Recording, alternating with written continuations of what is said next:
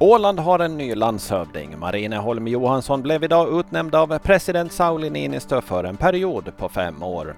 Marineholm Johansson tillträder som landshövding den 1 april då hon efterträder Peter Lindbäck. Samarbetet med obunden samling fungerar inte optimalt men det väljer lantrådet Veronica Törnros att tolerera. I det här fallet väljer jag att göra det eftersom den samlade bedömningen vi gör är att det inte är för Ålands bästa att göra förändringar i regeringsbasen eftersom det bara är åtta månader till val, säger lantrådet.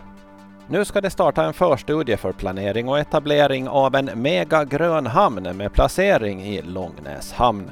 Det är OX2 Åland och Ålandsbankens fondbolag som står bakom förstudien.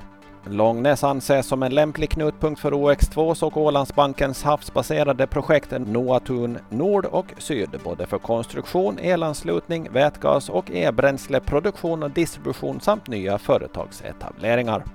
Det här var Ålandsnytt på en minut med Ove Sjöblom.